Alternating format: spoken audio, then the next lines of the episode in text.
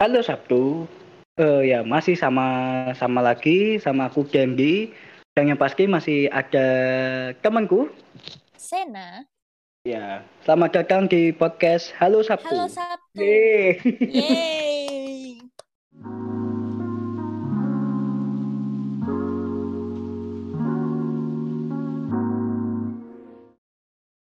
Oke, ini akhirnya ya Akhirnya. akhirnya nih Kak Deni. Episode 1.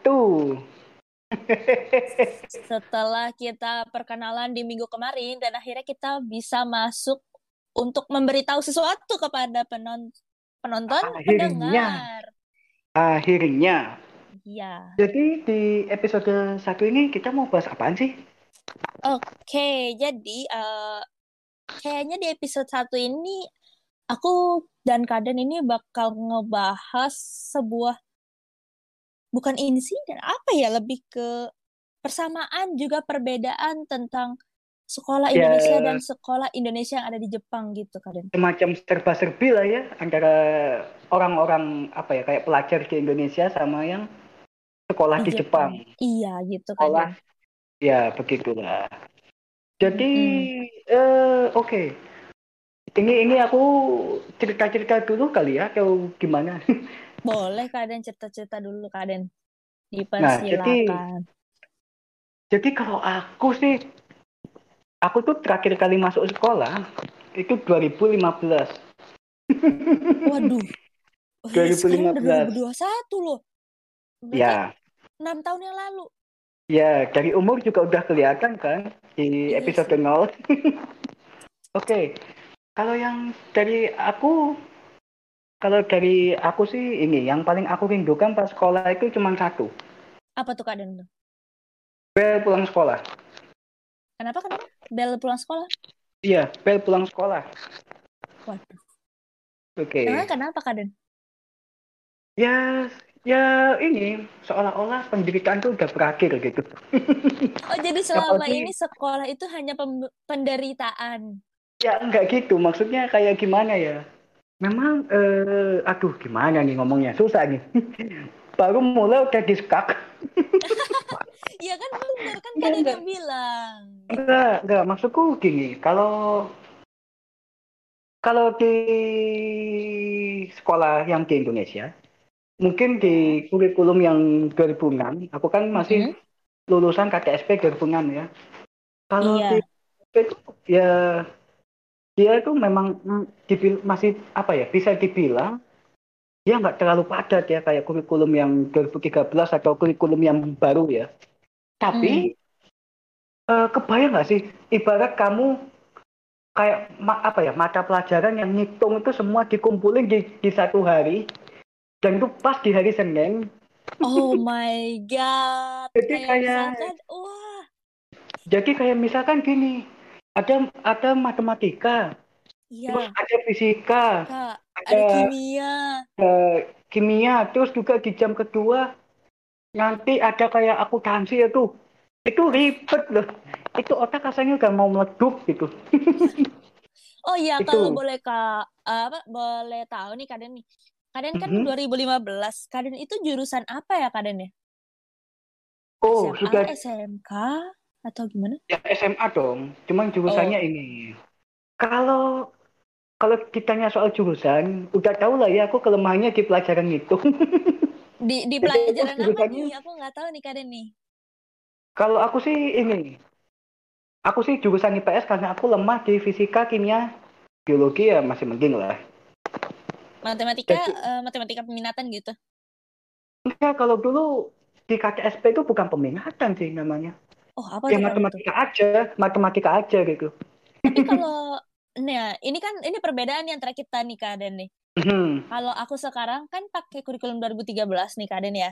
ya, Jadi matematika itu ada dua untuk anak IPA. peminatan sama wajib ya. Dan iya, kalau Ya, dulu itu- Kaden itu- pas itu eh, bener. IPS ada nggak? Yang Nggak ada. kayak matematika wajibnya gitu.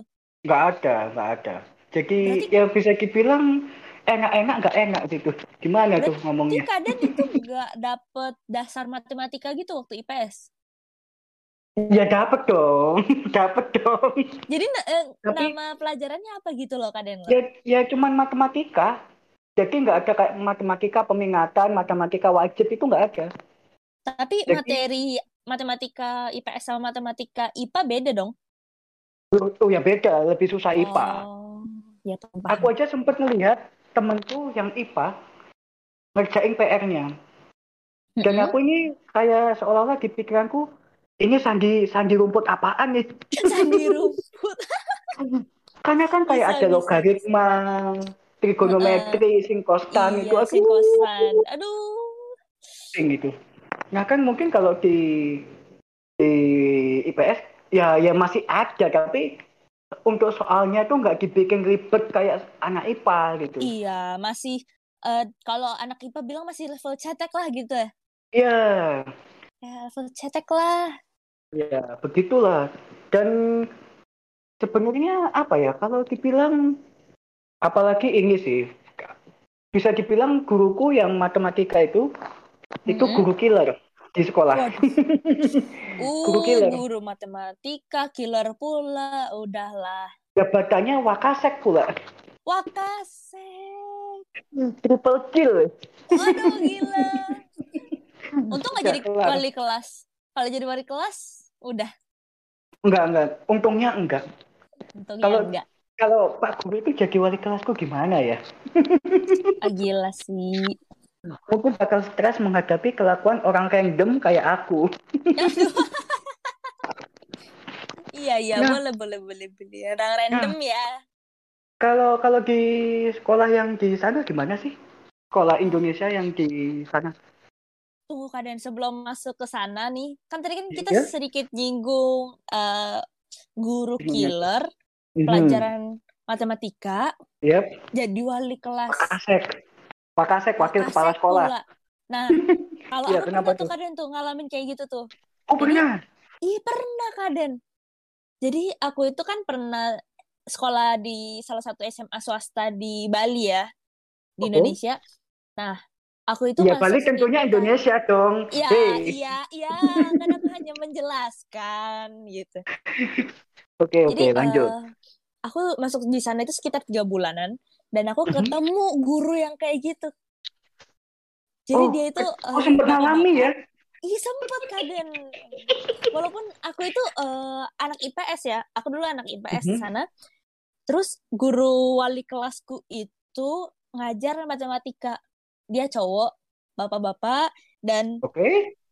eh, dia tuh guru killer, salah satu dari guru guru killer di sekolah itu. Dan paling Oke. ditakutin deh gitu. Ditambah dia tuh pembina OSIS. Jadi setiap Waduh, kegiatan iya itu dia. Jadi setiap kegiatan pasti dia yang adalah Handle gitu ya. eh pasti dia handle gitu. Apa-apa harus minta izin dari dia gitu. Waduh, itu Jadi waktu itu gila itu, itu. Kaden oh, gila Kaden.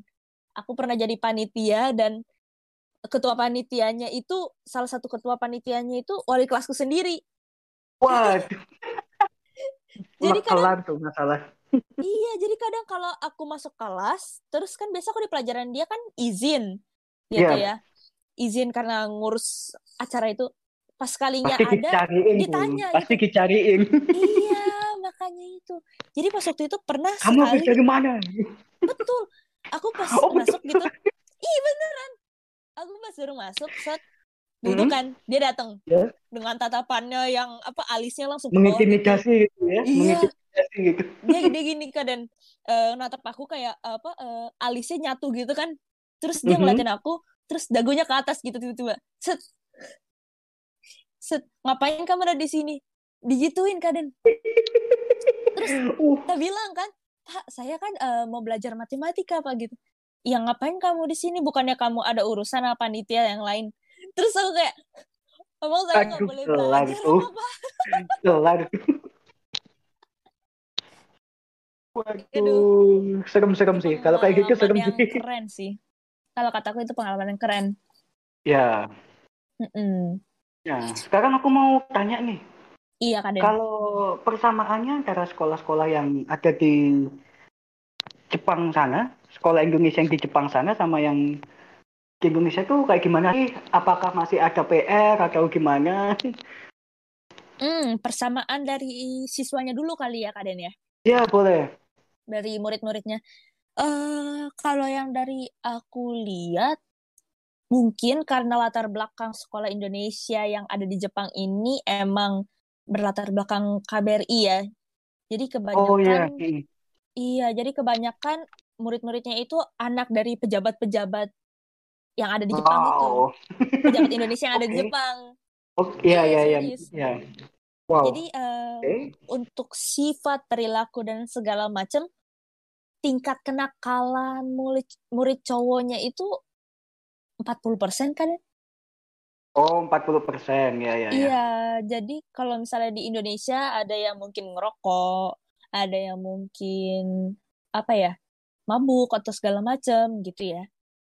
Mhm. Di Kalau sini di sana berarti ada. Di ada ya? sini aman gitu. Iya. Kalau mau ngerokok dikeplak duluan sama orang tuanya kan. Iya, bisa kayak gitu. Cuma aku eh, ngelihat juga untuk angkatanku yang Hmm? SMA, murid ceweknya itu 95%. Baru turun ke 90. Karena kemarin Wow. ada eh, anggota baru, ah, murid baru berarti. Wow. Dari kelas Sembilan. 10 dan Mhm. 11, karena 12 kan udah out ya, udah lulus ya. Iya. Dari 10 11 cowoknya cuma dua. Hah? Serius? Iya, Cuma cowoknya dua? cuma dua. Awalnya satu. Wah, itu itu Sekarang 98 kali ya.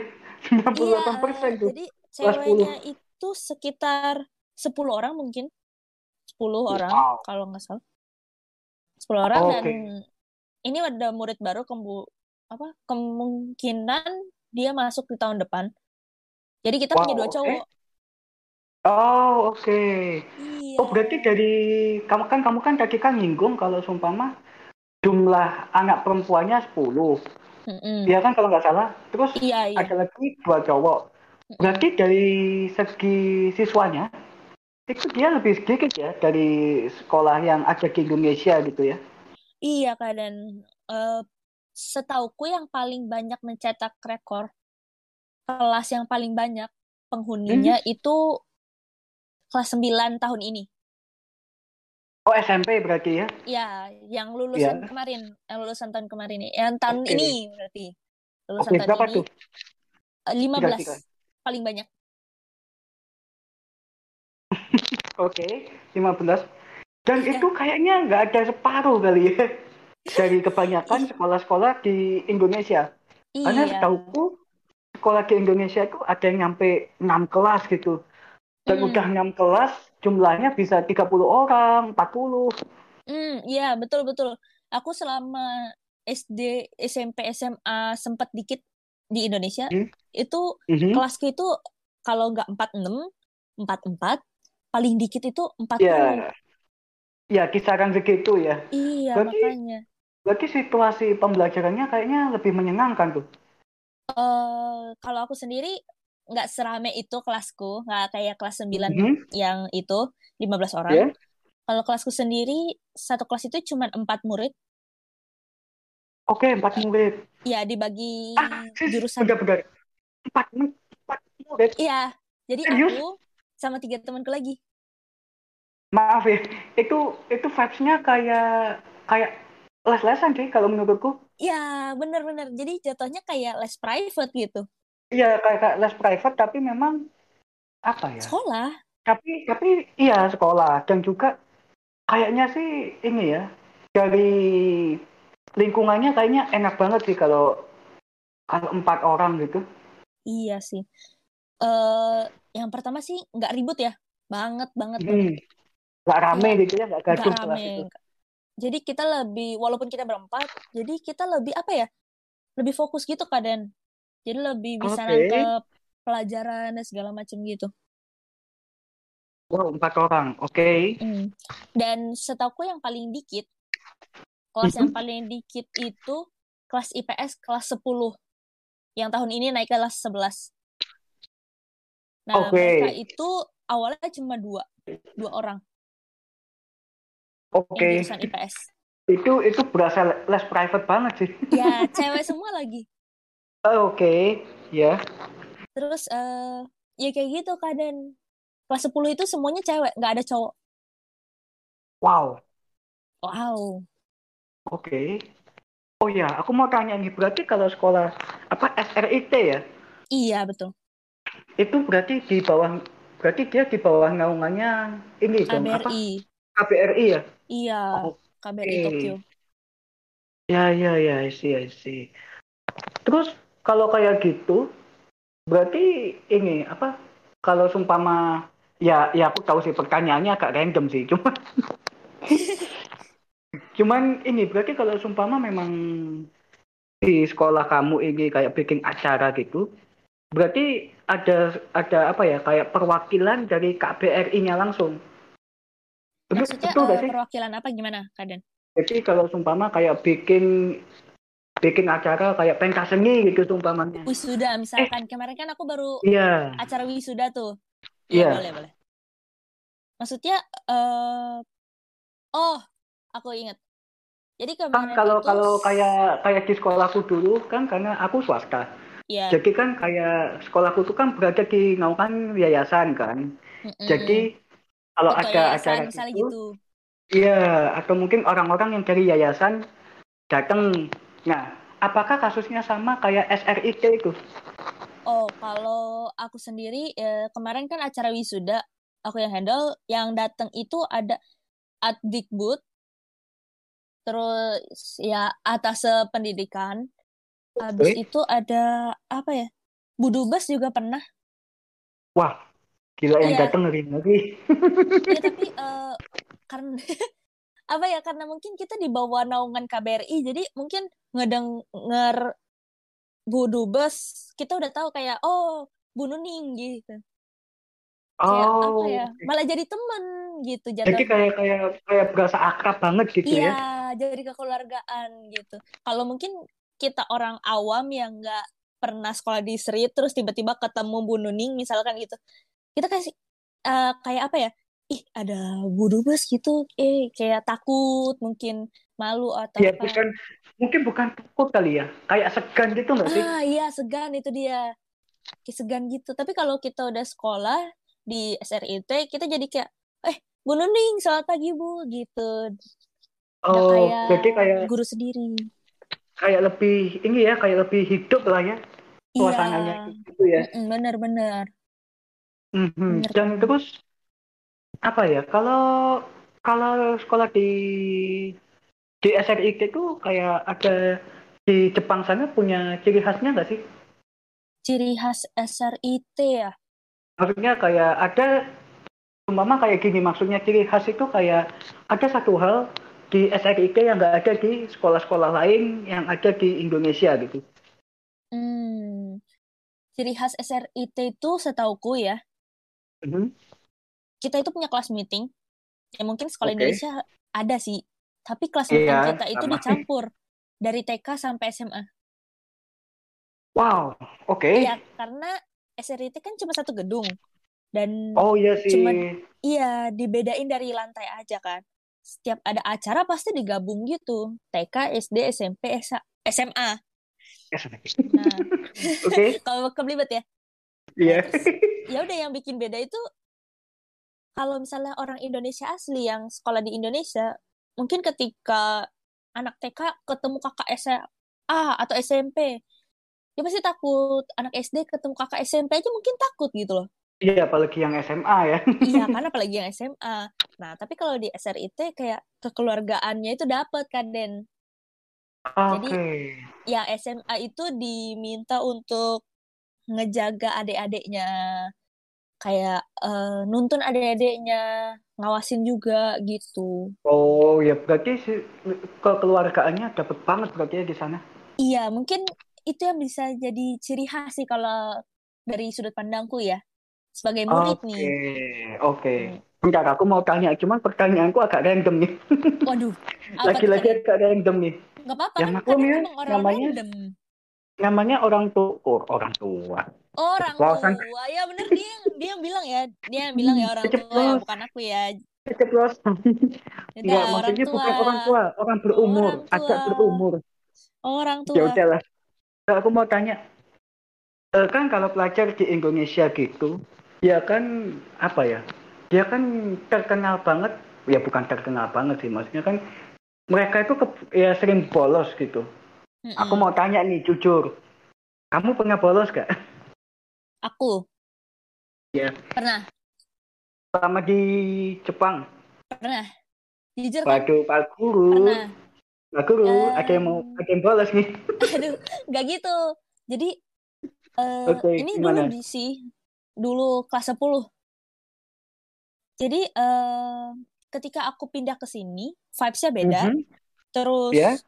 Cara datang ke sekolah juga beda. Kalau dulu di Indonesia naik motor kan dibonceng di belakang 5 menit nyampe gitu. Kalau di sini Mhm. tuh enggak Kaden. Aku Oh, perjalanan dari rumah ke sekolah aja itu satu jam lebih 20 menit. Oke, Ya, wow, dan itu tuh nguras tenaga gitu. Kalau aku yang jauh banget, dulu, satu jam 20 menit. iya memang jauh Kaden. Jadi eh aku itu harus dari rumah ke stasiun itu naik sepeda sekitar 15 sampai 20 menit itu. Mhm. Naik sepeda kan. Ya, itu jaraknya sekitar 1,5 kilometer atau lebih mungkin Sepeda apa nih? sepeda gayung kan nggak ada sepeda Oh. motor sepeda gayung Oh ya jadi Jepang nggak ada ya? iya Jepang nggak ada ada tapi eh, mahal gitu lah ya. iya Ya, nggak Nah. nggak kayak di Indonesia. enggak Kalau di Indonesia next- udah merajalela gitu sepeda oh, motor. mah SD juga SD juga waktu aku di Indonesia pernah naik sepeda motor Oke, terus naik Terus sepeda sini- nih dari rumah kamu ke Mm-mm, ke sekolah. stasiun stasiun nggak bisa ke sekolah Oh, jadi jarak rumahku kalau Mhm. secara gamblang map ya Google Map ya sekolahku sama rumahku itu 44 km jauhnya tapi masih ke di Tokyo kan itu. Iya, dan Iya sih. aku itu di Saitama, Karena kota Saitama. Jadi oh, kayak dari Bekasi ke Jakarta. banget. Iya, karena memang kalau kita ngomong secara ini ya orang awam ya, Mm-mm.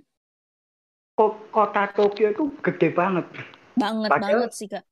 Padahal kan kayak kayak dibagi-bagi gitu kan ada Saitama, Shinjuku, Shibuya apa gitu kan. Nah, itu bedanya Kak Den. Jadi kalau Saitama itu bukan termasuk Tokyo Kak Den. Oh gitu. Iya, itu kayak kota sendiri. Makanya tak bilang tadi kayak Bekasi sama Jakarta Oh, oke, gitu. sorry sorry. Eh-eh. Berarti berarti kamu naik sekolah dari rumahmu ke Naik stasiun. sekolah ya. Eh salah. naik sepeda. Mak maklum ya, udah tuh. Eh udah tua Udah lah. tua, udah tua. Si udah tua, Enggak, enggak. dia yang bilang. Bukan udah aku loh. Iya, Jadi oke. naik naik sekolah eh Naik sepeda naik dari rumah ke sepeda stasiun. dari rumah ke stasiun. Iya, Itu itu itu terus sepeda kamu kamu taruh di mana? Eh, ada parkiran Kaden. Jadi di Aman? setiap stasiun itu ada parkiran Aman? aman sih. Ada Kan kan kalau soalnya gini kalau di Indonesia meskipun udah ada satpam ya, Mm-mm. tiba-tiba helm aja udah hilang. helm Oh. hilang. Hmm, Curhat. curhat ya. Dan- Ternyata ada yang helmnya Iya. hilang dulu. Iya, dan juga kadang kalau sepeda yang sepeda gayung gitu, takutnya sepedanya hilang gitu. Oh enggak Kaden. Jadi eh ini tuh kayak apa ya? Parkirannya tuh gede banget Kaden. Emang buat Oke. sepeda kan. Jadi ini emang Mhm. dia lantai dua, ada lantai duanya gitu. Udah Wow. gede banget, banyak banget sepedanya dan banyak juga security-nya gitu loh. Dan kita kalau masuk itu kayak dapet tiket karcis, kayak karcis Oke. apa ya parkir mobil, tapi ini Mhm. bentuknya tuh kartu, kartu Oke. gitu kan. Heeh.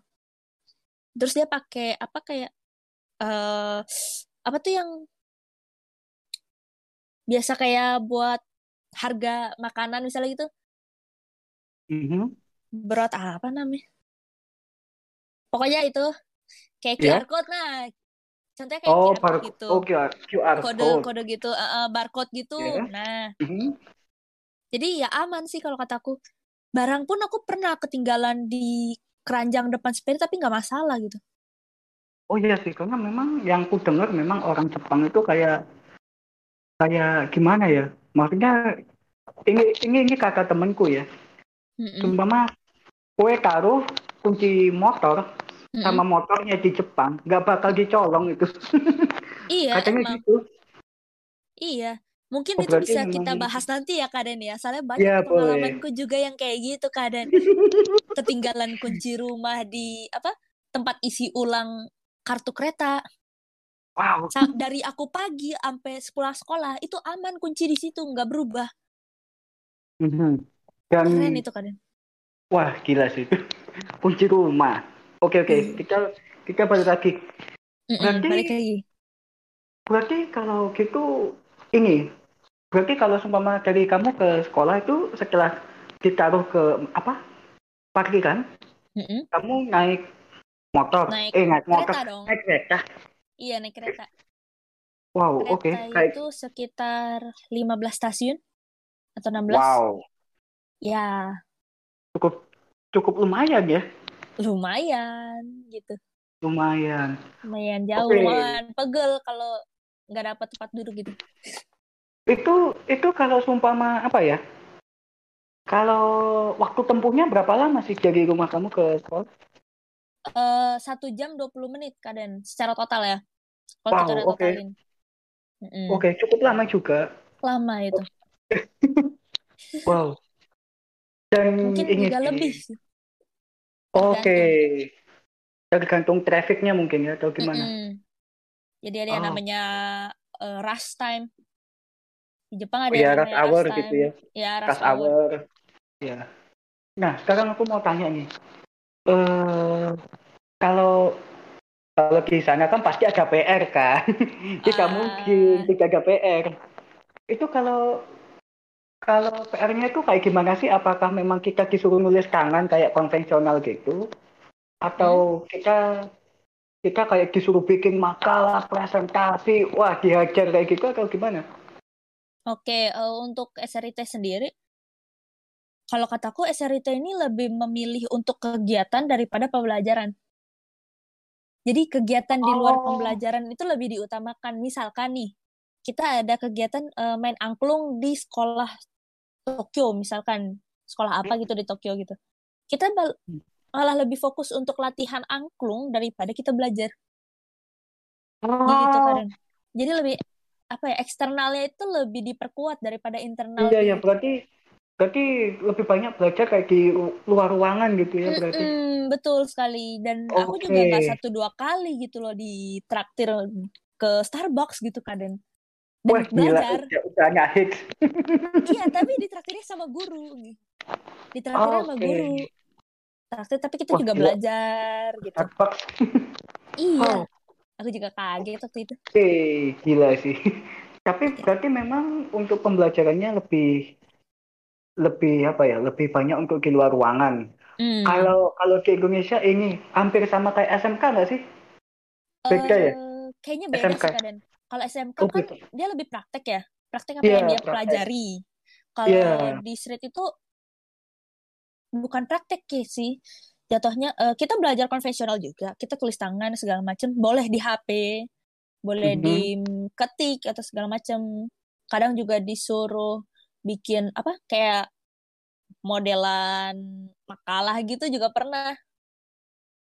Tergantung sih, tergantung gurunya kan. Jadi bukan praktek apa yang kita pelajari, cuma kita kayak dapat suasana baru gitu.